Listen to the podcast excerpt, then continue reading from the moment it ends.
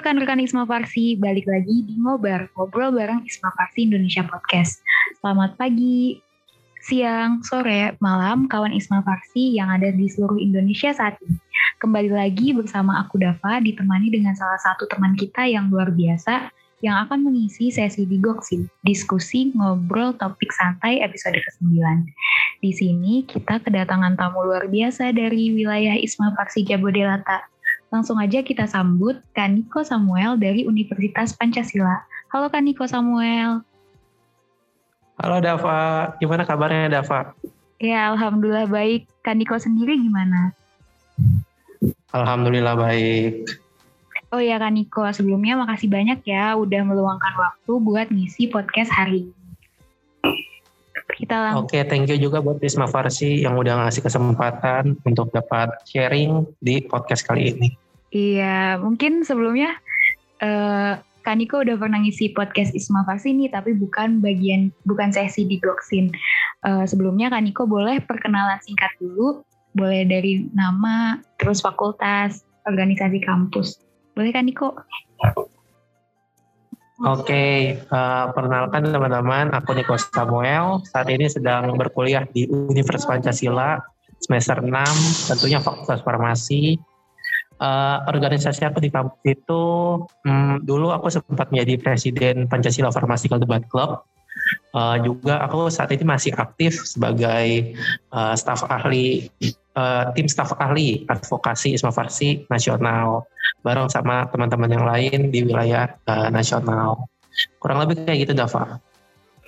Wah Kaniko keren banget ya ternyata Kaniko. Nah langsung aja nih, hari ini kira-kira kita mau bahas topik apa ya? Mungkin teman-teman mahasiswa pasti udah nggak asing nih sama yang namanya asisten laboratorium, apalagi buat uh, di universitasnya yang ada mata kuliah praktikum. Nah, ASLab atau asisten laboratorium atau asisten praktikum ini adalah uh, asisten yang selalu ada menemani teman-teman ketika sedang praktikum. Nah, bisa dibilang tugas asisten laboratorium ini adalah untuk membantu dosen ketika mata kuliah praktikum ataupun yang bertanggung jawab terhadap laborat yang sangkut. Nah, untuk tema kali ini di Gosin ke-9 adalah asisten laboratorium worth it nggak sih? Nah, sebelumnya Kak Niko, kira-kira praktikum apa aja sih Kak yang ada di kampus Kakak di Universitas Pancasila? Oh, kalau praktikum tentunya banyak ya, karena kan kita nih sebenarnya uh, antara uh, formasi satu dengan yang satu 11 12 lah ibaratnya. Kayak contohnya aku di semester pertama aku paling suka nih btw uh, praktikum anatomi fisiologi manusia. Terus uh, ada juga dulu di semester, semester awal farmasi fisika kimia dasar uh, farmakognosi kimia organik udah banyak deh pokoknya ada juga yang agak sedikit-sedikit sulit lah ibaratnya kayak kalau aku ya kalau aku pribadi agak sulit dengan uh, yang farmakoterapi. Kita harus nyari uh, apa namanya obat-obatannya untuk kepada pasiennya. Jadi sebenarnya uh, mata kuliahnya uh, praktikum yang di sini Universitas Pancasila dengan yang lain uh, 11-12 lah ibaratnya kalau menurut aku. Oh, jadi gitu kan Niko. Oh iya ngomong-ngomong, uh, kita kan angkatan sama-sama angkatan 2019 nih kan Niko.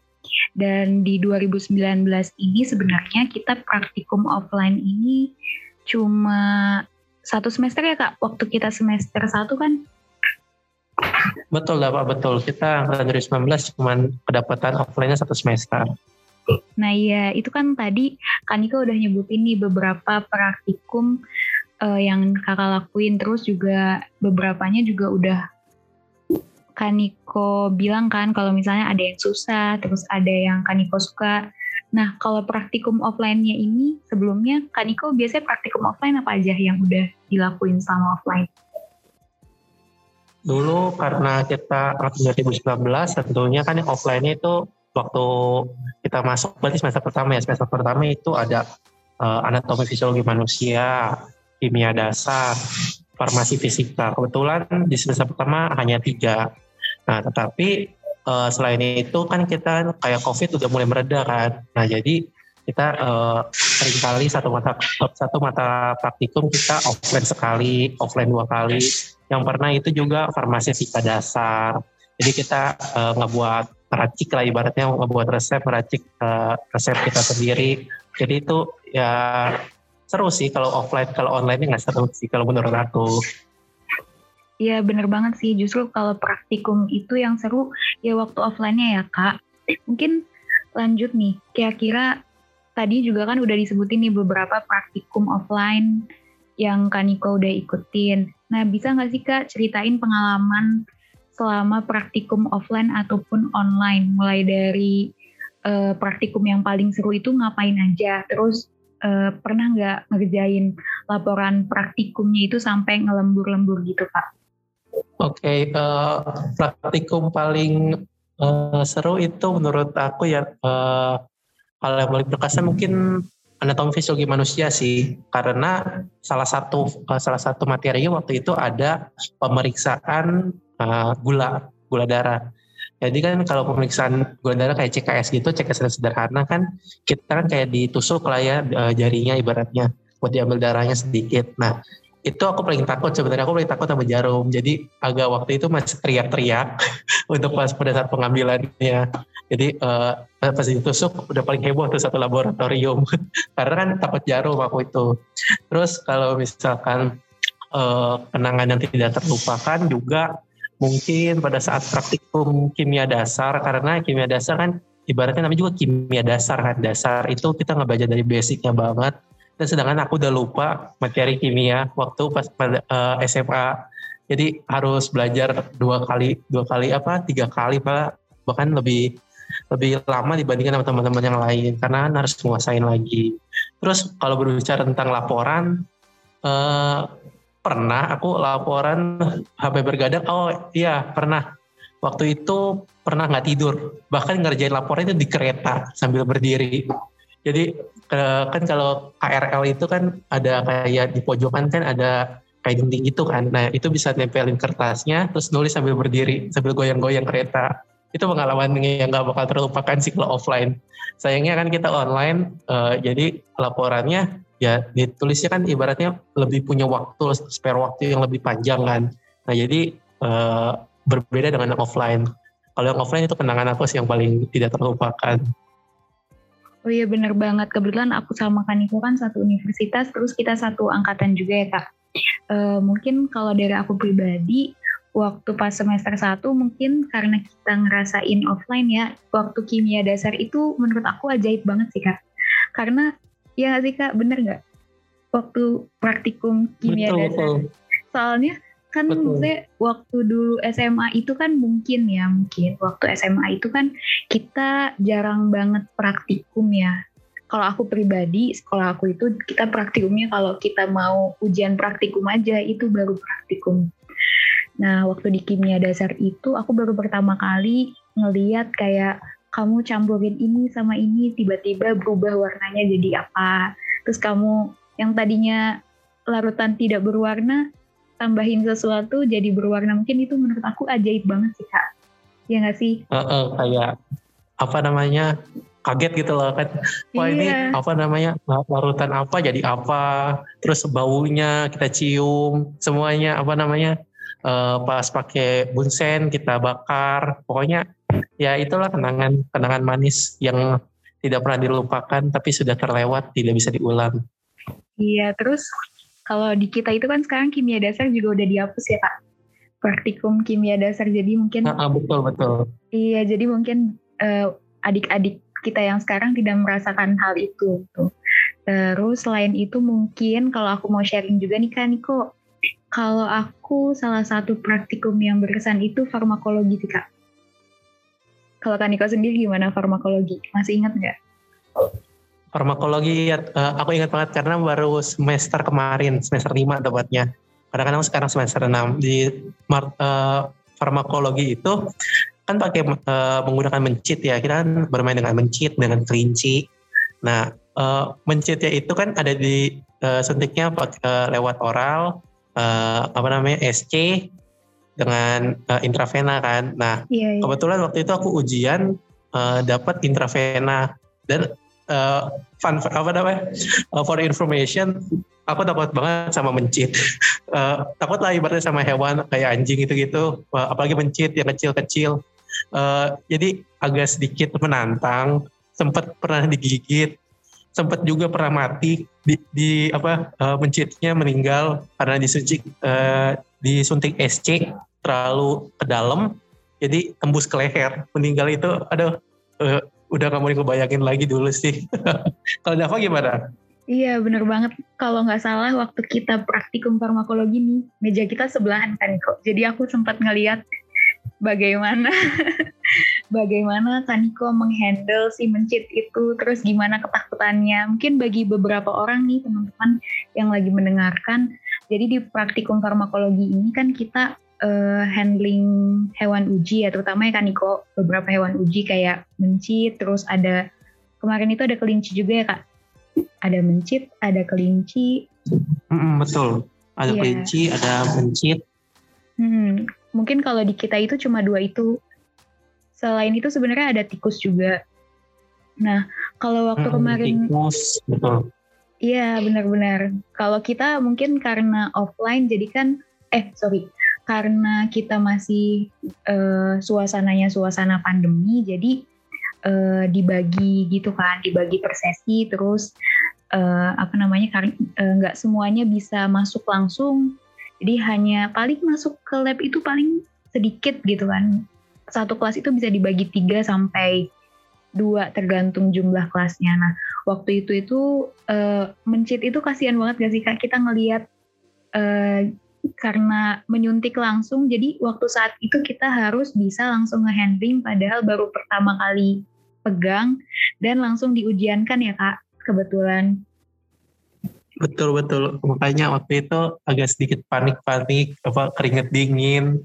Pada saat kan kita kan dikasih waktu kan buat uh, apa namanya istirahat uh, dari yang kita kuliah biasa ke yang ujian itu uh, dikasih waktu istirahat itu udah keringet dingin udah aduh udah bingung lagi mana cara megang mencit aja. Waktu itu aku takut gitu loh. Tapi ya alhamdulillahnya waktu itu lancar kalau pas ujiannya uh, pas uh, kebetulan dapetnya intravena waktu itu. Iya bener banget. Waktu pas uh, lagi praktikum farmakologi itu emang banyak banget sih teman-teman. Apalagi perempuan yang maksudnya Kaniko aja yang dia Kaniko itu lebih besar dari aku loh. Kaniko lebih besar dari aku, dia aja takut gimana. Teman-teman yang lain terutama yang perempuan-perempuan itu biasanya takut sama mencit. Padahal nggak apa-apa.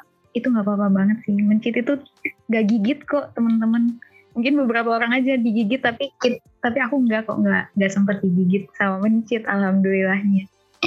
Nah paling itu sih farmakologi yang berkesan buat aku. Terus apa lagi ya praktikum yang berkesan buat aku. Kalau misalnya praktikum paling susah nih kak, yang offline deh, praktikum offline yang paling susah selama ini ngapain?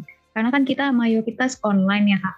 Tapi kan offline ada beberapa, jadi kan lebih keinget nggak sih praktikum offline yang paling susah menurut Kaniko apa?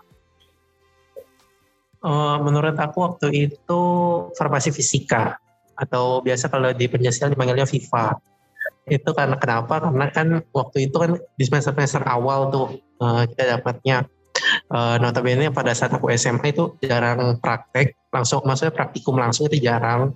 Jadi kita harus uh, udah mulai uh, praktikum di waktu awal-awal terus kita uh, harus megang yang namanya menganalisis ini ini itu agak sedikit menantang atau sulit. Tapi uh, kerennya nggak tahu kenapa saat ini aku malah jadi asdosnya uh, farmasi fisika FIFA jadi aku megang uh, asdos FIFA yang sebelumnya aku nggak terlalu suka eh, bahkan aku bilang susah dulu sekarang jadi asdosnya. Makanya itu suatu wow gitu loh. Aku juga masih nggak nyangka sampai saat ini.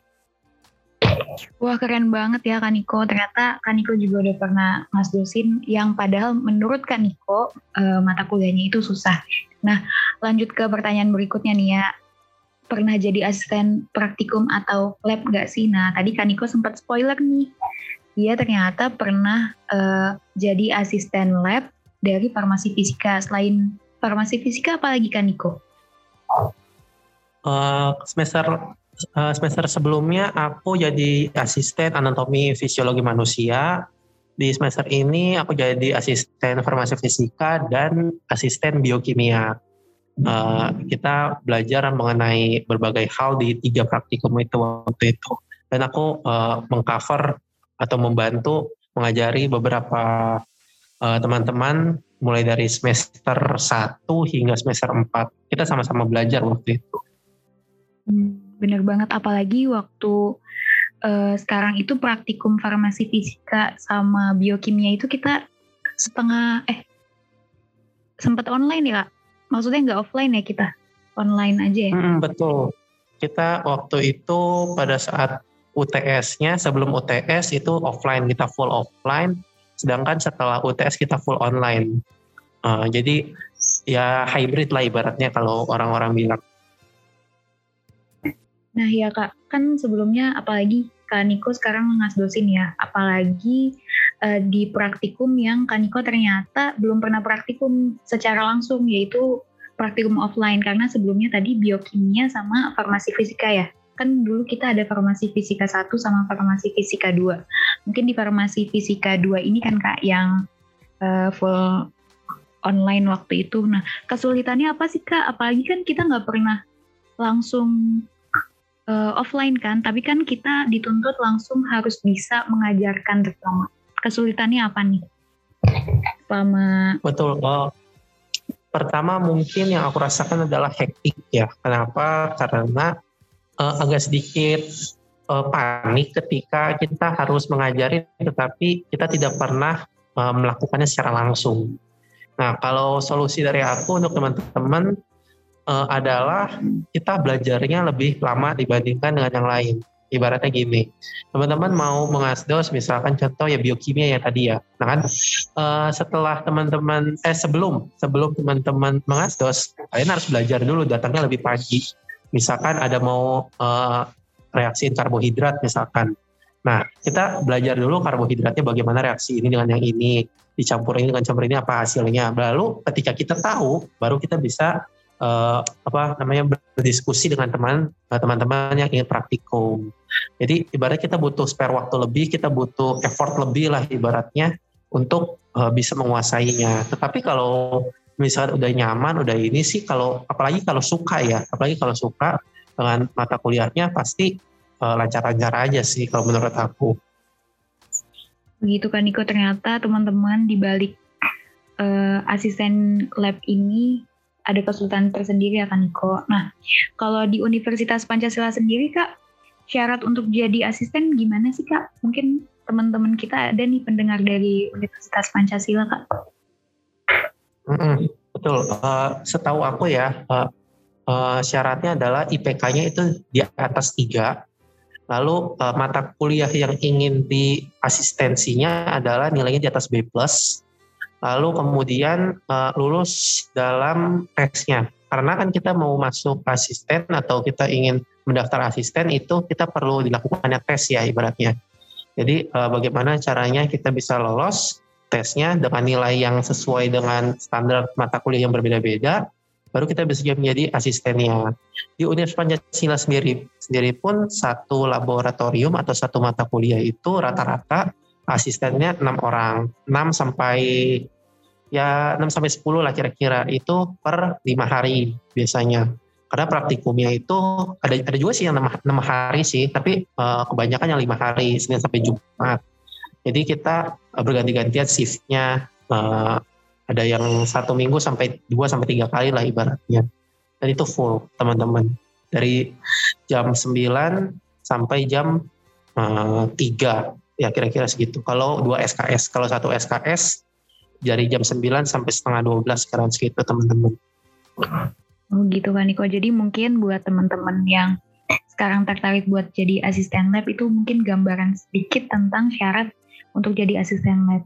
Soalnya kak uh, minggu kemarin itu aku sempat ngobrol sama temenku juga, dia dari universitas lain. Dia bilang kalau misalnya asisten lab di sana itu uh, minimal itu harus lulus sarjana dulu justru baru dia boleh jadi asisten lab. Mungkin kalau di kita itu minimal satu semester di atas ya kak, minimal satu semester di atas dari oh, betul mungkin yang itu kalau di kita sebagai laboran mungkin ya kan karena kan laboran kan kita uh, harus lulus uh, Kalau di kita mungkin antara universitas dengan yang universitas kita atau universitas satu dengan yang lainnya berbeda. Hmm, benar uh, karena kan uh, berbeda itu indah sebenarnya.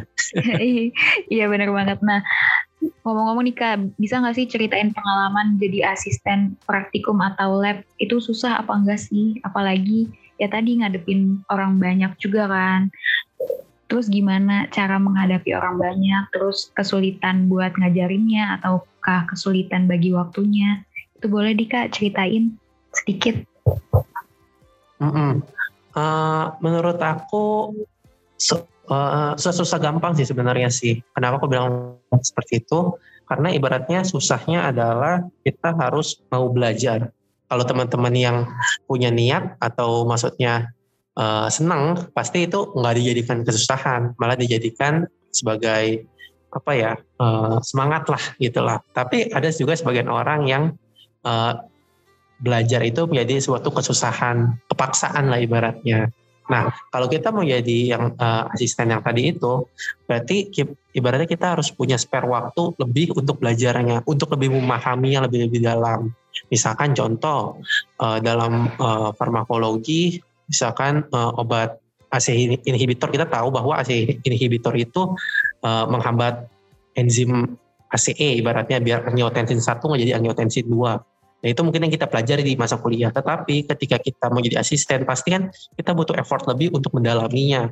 Ternyata kita udah mengeffort lebih, ternyata kita tahu nih bahwa ACE itu uh, adanya di uh, permukaan paru-paru sehingga nanti angiotensin 1 dengan angiotensin 2 akan berubahnya di permukaan paru-paru. Nah itu kan ibaratnya kita butuhkan info informasi atau belajar lebih dalam gitu loh. Nah jadi uh, kesusahannya itu kalau mudahnya adalah uh, fun fact asisten jadi asisten laboratorium ini ngebantu aku dalam uh, berbagai lomba waktu aku mengikuti berbagai lomba asisten ini menjadi salah satu modal awal aku untuk uh, bisa memenangi beberapa kompetisi mulai dari kancah universitas hingga kancah nasional. Jadi ya senang-senang lah, senang, senang uh, ada senangnya ada pahitnya juga. Terus kalau ngomong itu juga mungkin pahitnya adalah karena hmm, kita harus meriksa mungkin ya, kita harus meriksa semua uh, kan meriksa laporan lah, laporan ibaratnya kan karena kan laporan dari anak-anaknya itu kan ya, ada yang secara individu dan secara kelompok. Kalau satu angkatan aja kita kira-kira sekitar 300 orang, berarti kita harus memeriksa 300 laporan lebih. Walaupun itu nanti akan dibagi tim ya. Tapi kita ibaratnya harus mengeksplor juga kan ya, dengan teman-teman yang lain. Kurang kurang itu seperti itu gitu, Dava. Oh gitu, oh gitu kan Niko. Oh iya ngomong-ngomong, selama kakak asisten ada nggak cerita misalnya uh, dari anak-anaknya deh anak-anaknya yang waktu Kak Niko lagi asistenin itu kayak gimana? Ada nggak cerita lucu tentang uh, waktu praktikum offline selama Kak Niko asisten? Ada nggak yang lucu? Kalau cerita lucu mungkin karena aku suka ketemu orang baru ya. Uh, jadi kita kan jadi asisten tentunya kita kan berdiskusi dengan orang-orang baru, ketemu orang-orang baru dengan yang punya sifat atau keunikan yang berbeda-beda. Waktu itu uh, aku masih ingat ada yang dia di laboratorium laboratorium biokimia kalau tidak salah dia uh, pecahin oh salah laboratorium FIFA laboratorium FIFA.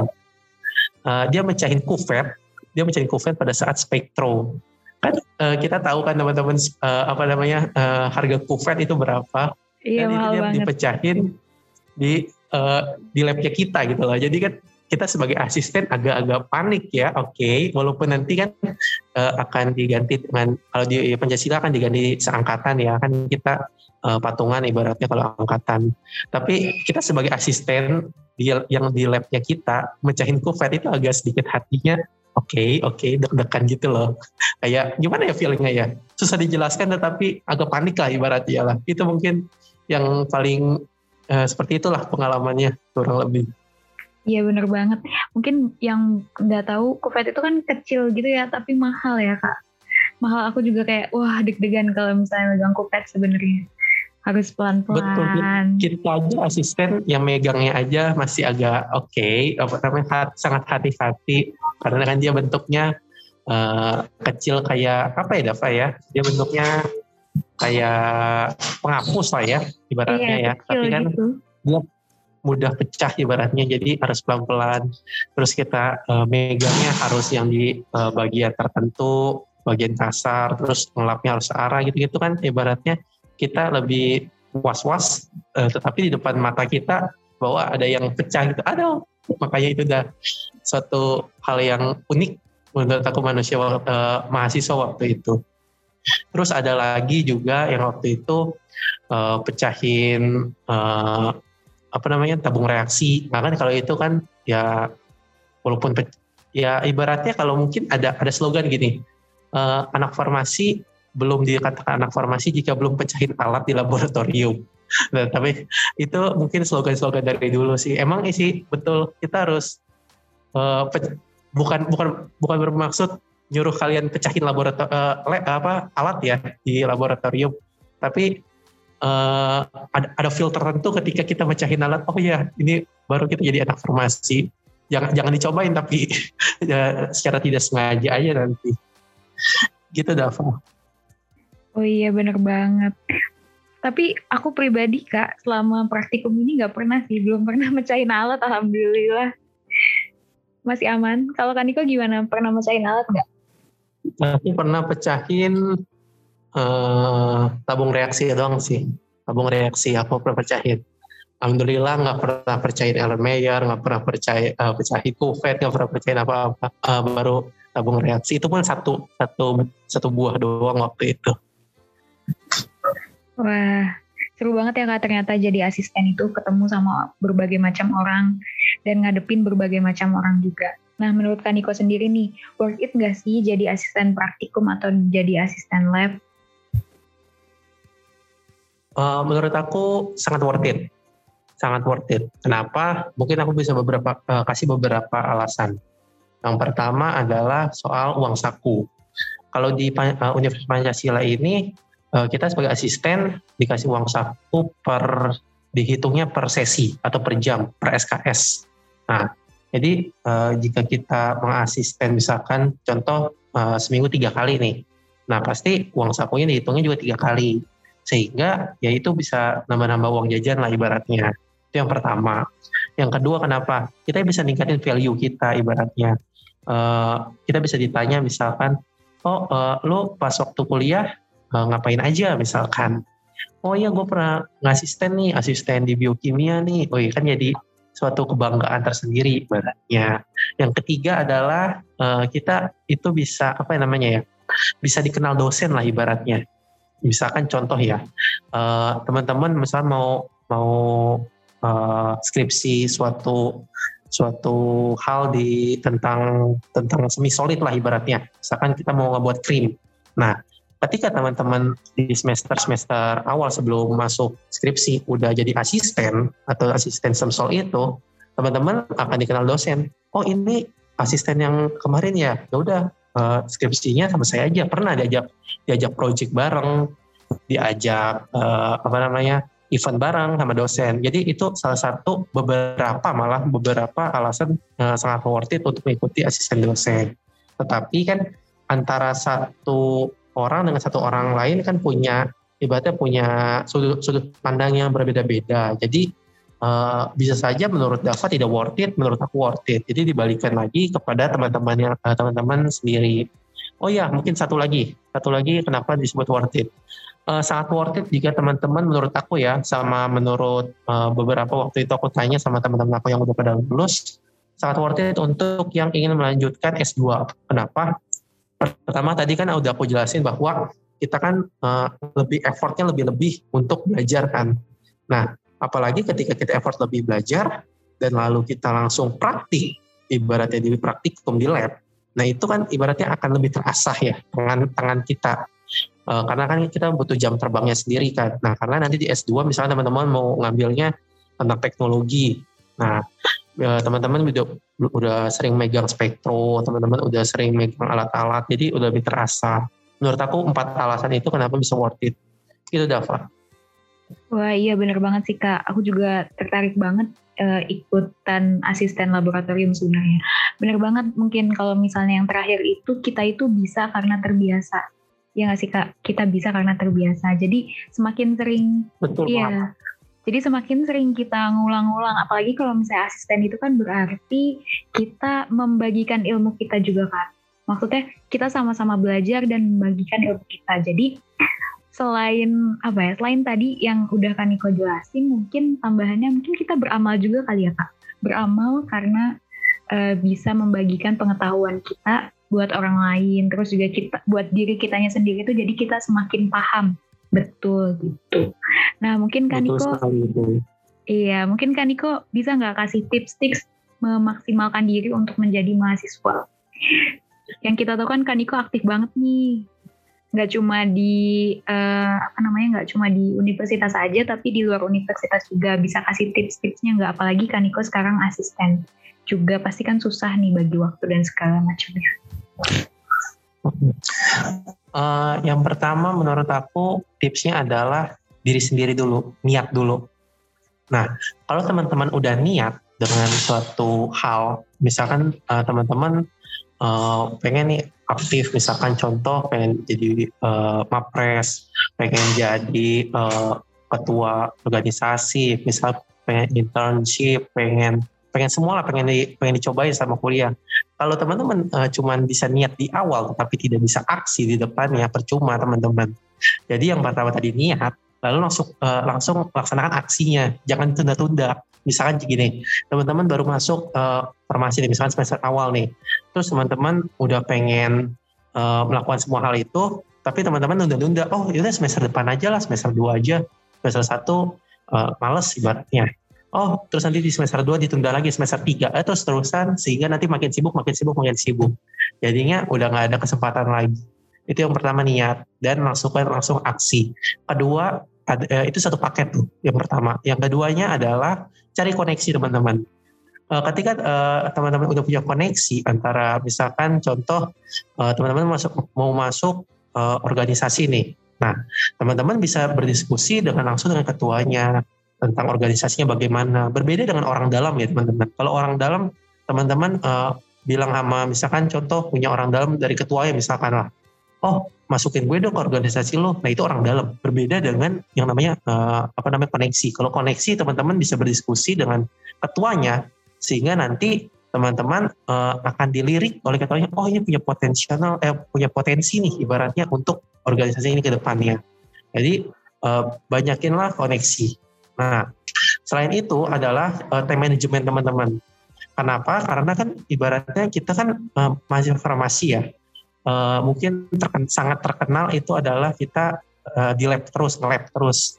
Uh, sebenarnya bukan bukan apa namanya bukan hanya omongan doang sih karena karena kan kita betul kan di lab terus kan kalau offline ya kita dari jam kalau aku di Universitas ini dari jam 9 sampai jam 3 itu uh, selalu di lab kalau offline. Nah itu udah makan spare waktu berapa, terus belum lagi effort lebih lagi, belum uh, buat ini lagi, jadi udah males. Jadi temannya adalah time managementnya.